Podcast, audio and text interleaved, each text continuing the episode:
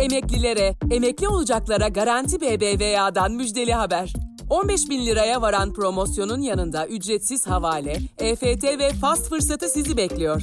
Hemen Garanti BBVA mobili indirin, maaşınızı taşıyarak fırsatları keşfedin. Ayrıntılı bilgi Garanti BBVA.com.tr'de. Ülkeleri yönetenlerin Covid-19 salgınına karşı aldıkları ya da almadıkları önlemler salgının sınıfsal yanını da tartışmaya açıyor. Yoksullar, çalışanlar daha fazla mı etkileniyor salgından? Çalışmak zorunda olanlar ya da çalışmak zorunda bırakılanların durumu ne olacak? Türkiye'de iktidarın çalışanlara yönelik açıkladığı önlemler ne anlama geliyor? Tüm bunları Kocaeli Üniversitesi Çalışma Ekonomisi ve Endüstri İlişkileri bölümünden doçent doktor Aziz Çelik ile konuştuk. Bizi Kısa Dalga Net ve podcast platformlarından dinleyebilirsiniz. Hocam direkt bu soruyla başlayalım isterseniz. Salgının sınıfsallığı tartışmaları hakkında ne diyorsunuz? Covid-19'un toplum sağlığı, halk sağlığı üzerinde son derece olumsuz etkileri olduğu biliniyor. Ancak Covid-19'un etkileri bununla sınırlı değil. Kuşkusuz Covid-19'un insan sağlığı üzerindeki etkilerinin kişiden kişiye, cinsten cinse, ırktan ırka değişiklik gösterdiğine dair bir bilimsel kanıt yok. Covid-19 sağlık açısından, tıbbi açı, bir açıdan e, herkesi aynı şekilde etkiliyor. Fakat insanların toplumsal konumları, sınıfsal konumları, gelirleri, varlıkları, beslenmeleri, e, evde kal kalabilme imkanlarına bağlı olarak COVID-19'un son derece sınıfsal bir karakter e, gösterdiğini söylemek mümkün. Şöyle ki, işe gitmek zorunda olanla, işe gitmediğinde işten çıkarılacak olan, gelirsiz kalacak olanla işe gitmeyip evde kalabilecek arasında COVID-19'un etkilerinin son derece farklı olduğu açıktır. Ee, COVID-19'un e, toplum kesimleri arasında etkilerinin oldukça farklı olduğunu görüyoruz. Dahası vakalara baktığımızda genel vakalar ve e, işçiler arasındaki vakalara, pozitif vakalara baktığımızda işçiler arasındaki vakaların e, çok daha yüksek olduğunu görüyoruz. Örneğin Diskar tarafından açıklanan İkincisi açıklanan COVID-19 raporuna göre işçiler arasındaki disk üyesi işçiler arasında COVID-19 pozitif oranı Türkiye ortalamasının yaklaşık 3 katıdır. Bunun sadece disk üyeleri arasındaki bir oran olduğunu söylemek lazım. Yani sendikasız işçiler arasında, kayıtsız işçiler arasında vaka oranının çok daha e, yüksek olduğunu söylemek mümkün. Bunun en temel nedeni e, bütün evde kal çağrılarına rağmen bütün evde kal çağrılarına rağmen e, işçilerin işe gitmeye zorlanması ya da işe gitmek zorunda olmasıdır. Sürekli evde kal çağrıları yapılıyor. Çalışmak zorunda bırakılanlar ise servislerle toplu ulaşımı kullanarak işe gidip geliyor. Bu kadar hayati bir durumda bile insanların çaresizce işe gitmek gitmesi nasıl açıklanabilir? Ya bunda örgütsüzlüğün rolünün olduğu açık. Ama yine de bir tuhaflık yok mu? Evet gerçekten de e, genel bir karantina uygulanmaması, karantinanın parça başı uygulanması, e, bütün e, nüfusu kapsamaması, e, özellikle de işçileri ve çalışanları kapsamaması e, karantinanın halk sağlığı açısından etkisini son derece e, azaltıyor. Kısaca işçiler ev işe giderken topluma evde kal e, çağrısı yapılıyor. İnsanlar bu durumda niye işe gidiyorlar sorusunun aslında başka çareleri olmadığı için ve örgütsüz olmadığı e, oldukları için işe gitmek zorunda kalıyorlar. Çünkü e, işe gitmediklerinde e, gelirleri güvence altında değil. Bir ücretli izin e, kararı söz konusu değil. İşe gitmediklerinde gelirlerini güvence altına alacak başka bir ödeme söz konusu değil. Ve ayrıca örgütlü olmadıkları için, sendika üyesi olmadıkları için de işe gitmemeleri halinde işten çıkarma riskiyle karşılaşacaklarını düşündükleri için işçiler COVID-19 gibi yaşamsal bir tehlike karşısında bile işe gidiyorlar. Şimdi bunu aslında daha önceki yıllarda Ermenik ve Soma madenlerindeki büyük iş cinayetleri sırasında da görmüştük. Burada bir işçinin çok çarpıcı bir değerlendirmesi vardı. Aşağıda ölüm olasılık, yukarıda işsizlik ve açlık kesin. Yani e, yukarıda dışarıda kaldığında açlık ve işsizlikle karşılaşacağını düşünen işçi aşağıda e, kömür madeninde ölüm riskini göze alabiliyor. Aynı şekilde COVID-19 karşısında da açlık ve işsizlik riski mutlak olarak böyle bir tehlikeyle karşılaşan işçiler örgütsüz olduklarında işe gitmek durumunda e, kalıyorlar. Örneğin sendikalı iş yerlerinde COVID-19 riskine karşı e, bunun e, işçi sağlığını ve güvenliğini tehdit etmesi durumunda sendikaların e, üyeleri, sendika üyelerinin çalışmama hakkını kullandıklarını biliyoruz. Örneğin Birleşik Metal İş Sendikası bu dönemde ona yakın iş yerinde binden fazla üyesi e, çalışmama hakkını kullanarak e, işi durdurdular ve COVID-19'a karşı önlem alınmasını istediler ve işe gitmediler. Ancak bu sendikasız iş yerlerinde e, söz konusu olamıyor maalesef çünkü sendikasız iş yerlerinin, sendikasızlığın Türkiye'deki e, yaygınlığına baktığımızda neredeyse her 100 çalışanın 92'sinin sendikal korumadan yoksun olduğunu e, görüyoruz. Bu da e, tabloyu açıklamak için sanıyorum yeterli. Salgın günlerinde Türkiye'de işe gitmek zorunda bırakılanların durumunu doçent doktor Aziz Çelik ile konuşmaya devam ediyoruz. Aziz Çelik aynı zamanda Bir Gün gazetesinin yazarı. Bir gündeki yazılarınızdan birinin başlığı şöyle. Evde kalmak için işler durdurulmalı. Ama hayatın devam etmesi, hatta salgınla baş etmek için de bazı işlerin devam etmesi gerekiyor. Hangi işler durdurulmalı? Öncelikle Covid-19 e, koşullarında temasın mümkün olduğu kadar azaltılması en temel halk sağlığı önlemlerinden birisi. Dolayısıyla burada e, belli bir süreyle en az 14-15 gün süreyle zorunlu acil ve temel işler dışındaki işlerin durdurulması ve herkesin evde kalmasının sağlanması gerekiyor. Zorunlu acil temel işler ise aslında e, çok bilinen iş kolları Gıda üretimi, dağıtımı, tedariki bunların içerisinde yer alıyor. Sağlık, temizlik e, ürünleri bunlar içerisinde yer alıyor. Yine sağlık hizmetleri e, bunlar içerisinde yer alıyor. Elektrik, su üretimi ve dağıtımına ilişkin hizmetler bunların içerisinde yer alıyor. Bu hizmetler dışında kalan hizmetler, örneğin inşaat gibi, örneğin metalürji sektörü gibi e, hizmetlerin, üretimin e, sürmesinin, bu koşullarda sürmesinin bir anlamı yoktur. Çünkü bunlara talep de azalmış durumdadır. Şu an otomotiv üretseniz, buzdolabı üretseniz, inşaat yapsanız ne olacak? Sadece ve sadece e, işçilerin hastalık riskini artırmış olursunuz.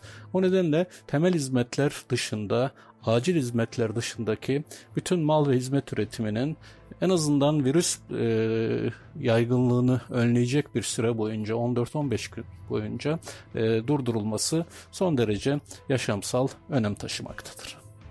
İlk başta kapatılan kahvehane, berber gibi on binlerce iş yerinde on binlerce insan işsiz kaldı. Üstelik bu sektörlerde çalışanlar genellikle sigortasız, kayıt dışı. Ama salgının işten çıkarmaların bir bahanesi haline dönüşme tehlikesi de var. Erdoğan iktidarı ise işten çıkarmaların yasaklandığını iddia ettiği bir düzenlemeyi hayata geçirdi. Bu düzenleme emekçilerin evde kalmasını sağlamaya yeterli mi hocam? Covid-19'un işsizlik üzerindeki e, etkisinin çok şiddetli olacağı ve şu ana kadar yani gerek dünya gerek Türkiye tarihinde karşılaşılmayan bir işsizlik ve istihdam depremi yaşanacağı çok açık. Çünkü aylarca e, ekonominin pek çok sektöründe ve dalında üretim azalacak, yavaşlayacak hatta bazı sektörlerde e, tümüyle durma noktasına gelecek. Talep azalacak, talebin azalması e, üretimi etkileyecek. Gelir azalacak, gelirin azalması talebi ve üretimi etkileyecek. İşçiler işsiz kalacak ve bunlar e, talebi etkileyecek. Dolayısıyla e, Covid-19'un ekonomide ve ekonomiyle ayrılmaz bir parçası olarak kuşkusuz işçiler ve çalışanlar üzerinde çok ağır bir tahribat e, yaratacağı açık. Daha şimdiden Uluslararası Çalışma Örgütü son derece karamsar e, tablolar yayınlıyor. Ülkemizde Covid-19'un e, işsizliğe etkisi ve istihdam üzerindeki etkisini ölçmek için bazı veriler e, elimizde var. Örneğin e, Çalışma Bakanlığı, Aile Çalışma ve Sosyal Hizmetler Bakanlığı tarafından açıklanan son veriye baktığımızda kısa çalışma ödeneğine e, yapılan başvuruların kapsamı 3 milyon e, işçiyi geçmiş durumda. Şimdi bu sayı son derece önemlidir. 3 milyon işçiyi e, kısa çalışma ödeneğinin geçmesi bize ne anlatıyor?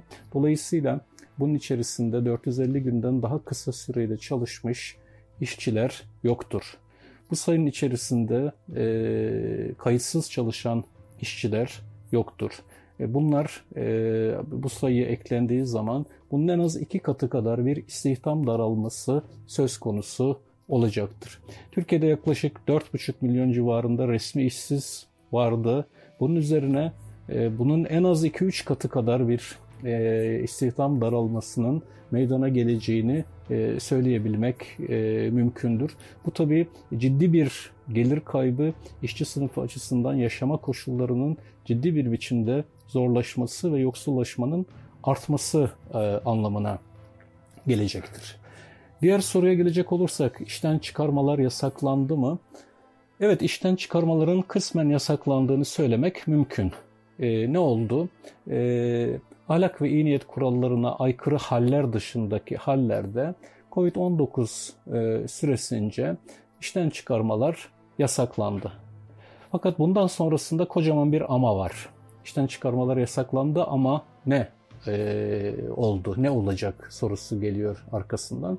İşten çıkarmaları yasaklanan işçiler için yeni bir düzenleme getirildi. Bu işçilere 1168 TL aylık, günlükte 39 TL e, ödenek ödenecek. Bunlara e, ücretsiz izin ödeneği adı veriliyor. Yani işveren işten çıkarmadığı işçiyi ücretsiz izne çıkarabilecek. Aslında aynı aşağı yukarı benzer bir sonuçla karşı karşıyayız. Ücretsiz izne çıkarabilecek yani işten çıkarmadığı işçiyi işveren çalıştırmak e, zorunda e, değil. Bunu ücretsiz izne çıkarabiliyor. Peki ücretsiz izne çıkardığında ne olacak? İşveren ücretsiz izne çıkardığı işçiye e, kısa çalışma ödeneği değil de ücretsiz izin ödeneği verecek. E, bunu tabii işveren vermeyecek, e, işkur tarafından verilecek bu ödenek.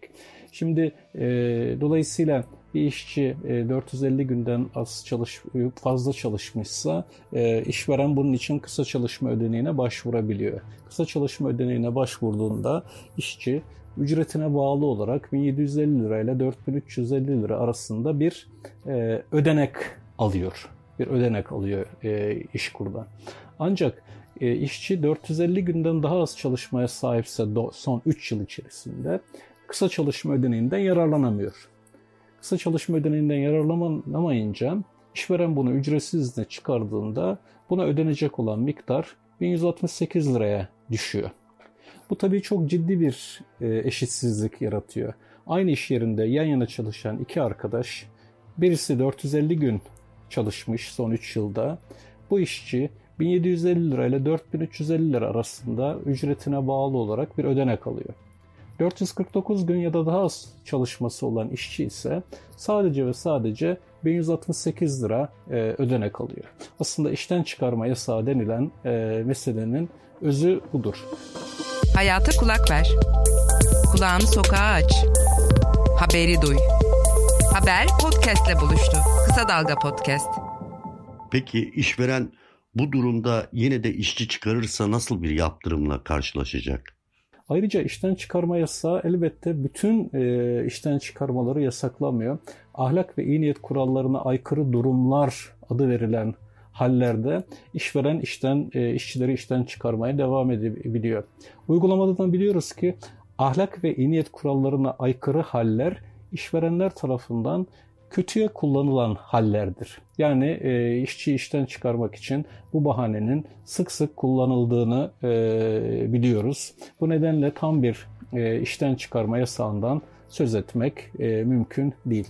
Kaldı ki işten çıkarmaları yasaklandı mı sorusunun e, bir diğer e, şeyi de buna ilişkin diğer bir e, belki yanıt ve değerlendirme de peki işveren işten çıkarma yasağı döneminde işten çıkarma yaparsa ne olacak? Bunun ağır bir yaptırımı olmadığını görüyoruz. Yeni yapılan kanuni düzenlemede eğer işveren bu işten çıkarma yasağını e, delerse yani yasağa rağmen kanunun emredici hükmüne rağmen e, işçi işten çıkarırsa e, ödeyeceği e, miktar e, brüt asgari ücret miktarı olacaktır. Yani ne olacak brüt asgari ücret miktarı?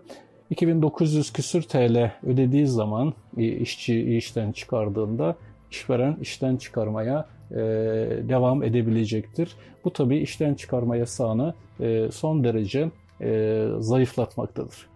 Bu noktada hep kaynak sorunu tartışılıyor. Yıllardır para biriken bir işsizlik fonu var. Mesela bu fon yeterli mi çalışanları belli bir süre karantinada tutmak için?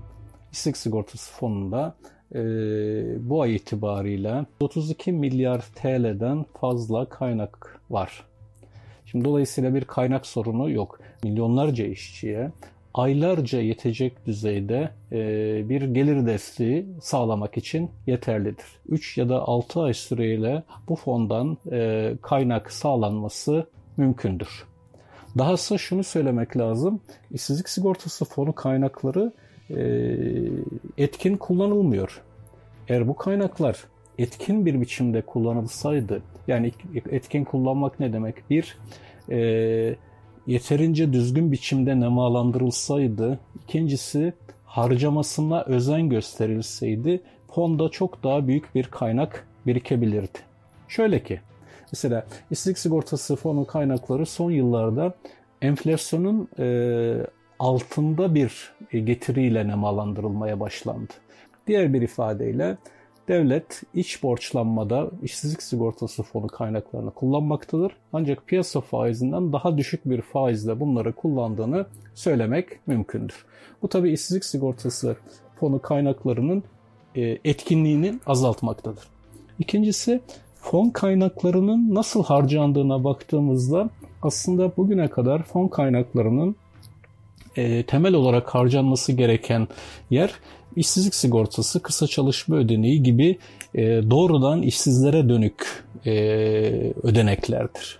Halbuki baktığımızda işsizlik sigortası fonundan e, işçilere yapılan ödenmeden çok daha büyük bir bölümünün çok daha büyük bir bölümünün e, işverenlere destek olarak verildiğini görebiliyoruz.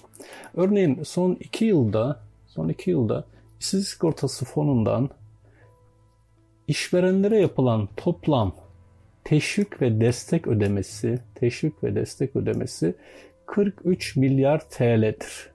43 milyar TL'dir.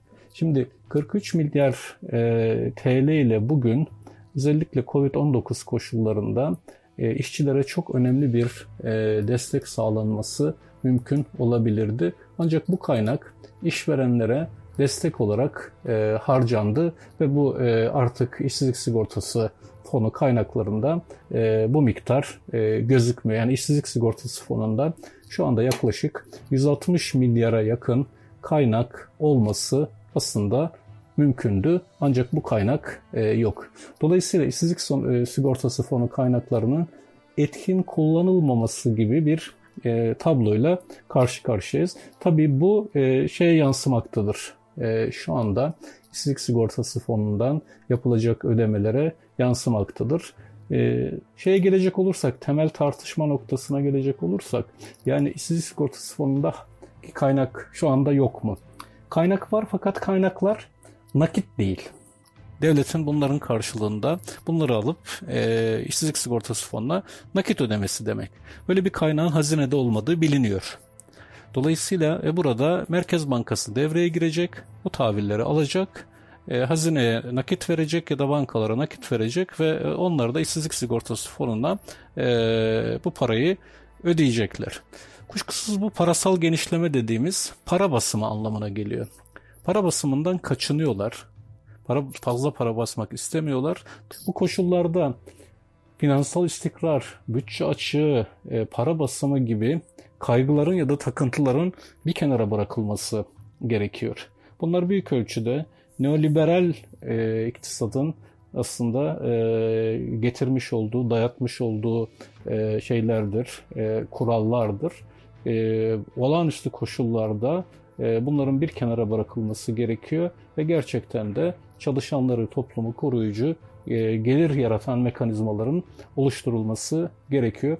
Aksi halde çok büyük bir iktisadi e, felaket, bu iktisadi felakete bağlı olarak da büyük bir sosyal felaketle karşı karşıya kalınabilir. Çünkü milyonlarca işçinin e, işinden olması, istihdamdan olması, aynı zamanda gelir kaybı, aynı zamanda vergi kaybı, aynı zamanda sigorta prim kaybı, aynı zamanda üretim kaybı demektir ki bu aslında daha sonra bütün bir topluma, toplumun çalışan kesimlerine yoksulluk olarak geri dönebilir.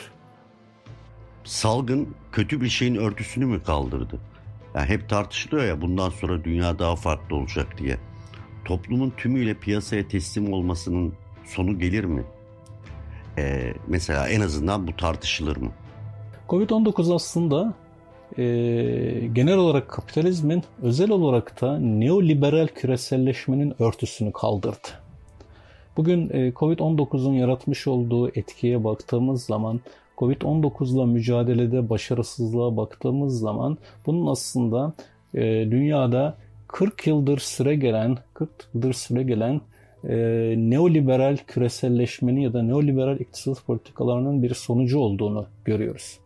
Kamu zayıflatıldı, sağlık sistemi zayıflatıldı, sosyal güvenlik sistemi zayıflatıldı, sosyal güvenlik, sağlık, eğitim, ticari hale getirildi. Dolayısıyla bütün bu alanlar kamusal olmaktan çıkarıldı. Dolayısıyla bu durum e, böylesine toplumsal bir felakette kamunun, devletin buna müdahale olanaklarını e, ciddi bir biçimde e, zayıflattı. Kamusal bir sağlık sisteminin olmayışı, sağlık sisteminin tümüyle ticarileşmiş e, olması, sosyal güvenlik sisteminin, sosyal güvenlik e, desteklerinin zayıflatılmış e, olması, toplumun tümüyle piyasanın kaderine terk edilmiş olması şimdi çok daha büyük e, şeylere yol açmaktadır. Felaketlere yol açmaktadır. Dolayısıyla Covid-19 sonrası dünya ile Covid-19 öncesi dünya aynı olacak mı sorusuna evet aynı olmayacak. Covid-19 net bir biçimde aslında neoliberal paradigmanın, neoliberal iddianın e, sonunu getirmiştir.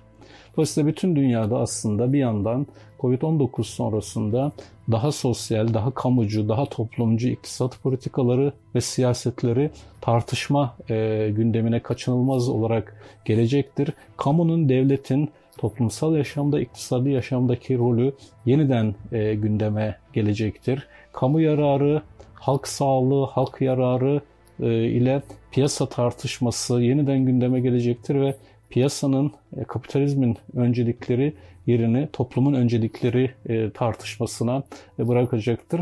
Bunun ne kadar zamanda gerçekleşeceğini söylemek belki zor ama neoliberal küreselleşmenin sonunun geldiğini ve artık daha kamucu ve toplumcu iddiaların ve politikaların güçleneceğini, buna olan ihtiyacın e, artacağını COVID-19 ile birlikte söylemek mümkündür.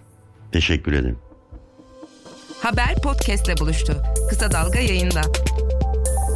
Bizi Kısa Dalga Net ve podcast platformlarından dinleyebilirsiniz.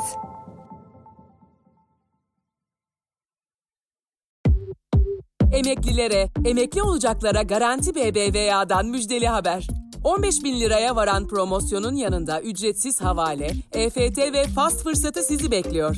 Hemen Garanti BBVA mobili indirin, maaşınızı taşıyarak fırsatları keşfedin. Ayrıntılı bilgi Garanti BBVA.com.tr'de.